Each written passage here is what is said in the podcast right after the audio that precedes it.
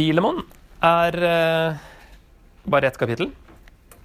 Det er også skrevet fra dette fengselsoppholdet, og også sendt til Kolossai, altså sammen med Kolosserbrevet.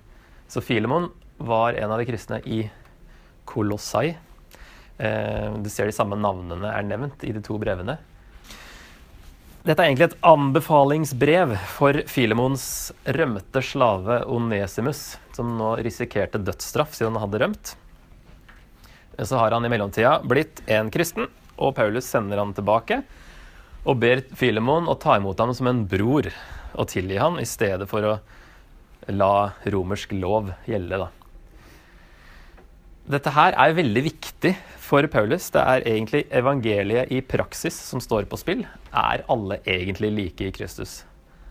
Når en var slave eh, og ble kristen. Så han Det er et utrolig retorisk brev. Så hvis du lurer på om Paulus ikke var utdanna i retorikk, så ser du det her. Han eh, balanserer på en sånn hårfin linje mellom romersk lov og kristen nestekjærlighet, egentlig. For han vil jo ikke bryte loven, samtidig som han oppfordrer veldig Filemon til å, til å tilgi og ta imot. Eh, så det er veldig sånn eh, Det er et gøy brev egentlig å prøve å finne ut hva han egentlig sier bak her, med den måten han eh, ordlegger seg på. Så det er egentlig et mesterverk, selv om det er litt sånn glemt brev hvor da kristne prinsipper ble satt ut i praksis på et, det som var et veldig touchy tema den gangen. Paulus kunne òg risikere straff for å ha liksom, eh, tatt imot en rømt slave og hatt han hos seg. Han kom jo kanskje til Paulus i denne husarresten og eh, ble kristen da i den sammenhengen.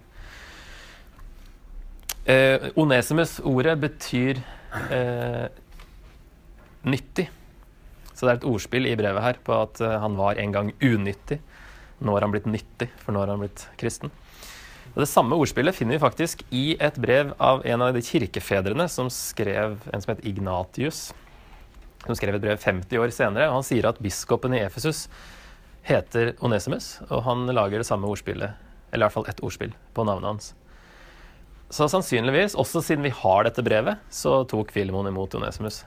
At det ble et eksempel på Yes, det funker.